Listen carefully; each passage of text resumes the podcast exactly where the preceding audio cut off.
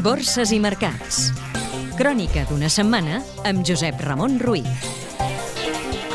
Les borses europees s'han tenyit de vermell arrossegades per la inestabilitat política i financera de Grècia i d'Itàlia i per l'enduriment d'una crisi del deute sobirà a la zona de l'euro que ha provocat la primera víctima als Estats Units. La firma MF Global ha fet fallida.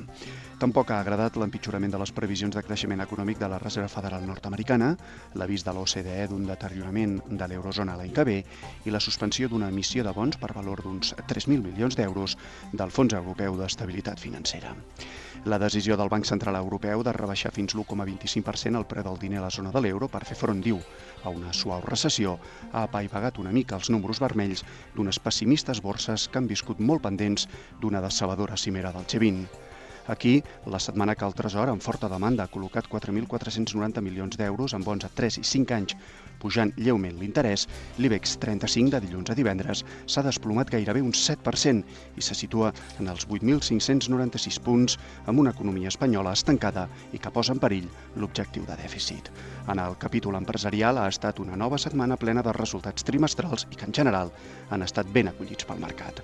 Des de l'1 de gener, la borsa espanyola acumula unes pèrdues d'un 12,81%. Cotitzades catalanes. Gas natural fenosa. El Banc Europeu d'Inversions li ha atorgat un crèdit a 500 milions d'euros. L'energètica, la millor companyia de gas del món segons el rànquing Platstop 250, farà servir els diners per millorar la xarxa de distribució de gas a Espanya. CaixaBank.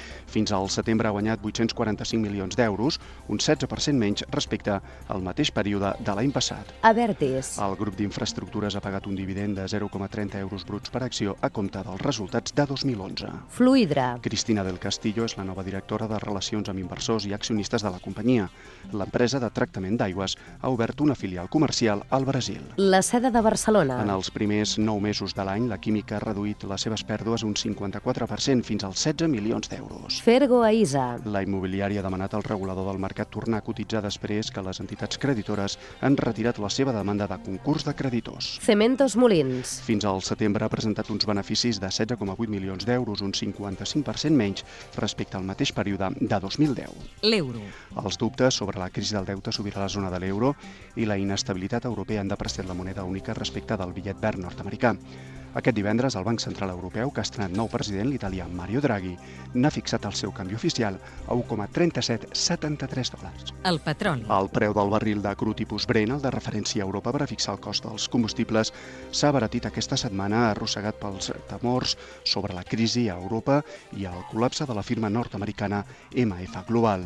Aquest divendres, tancades les borses, es pagava al voltant dels 111 dòlars, un preu actual de l'or negre que l'OPEP, l'Organització de Països Productors de Petroli, considera raonable. Vocabulari financer. Què són les societats cotitzades d'inversió en el mercat immobiliari? Són empreses cotitzades que inverteixen en vivendes, locals i oficines destinades al lloguer. Aquestes societats, amb avantatges fiscals, estan obligades a repartir bona part dels dividends que generen, tot evitant les comissions de gestió i reemborsament.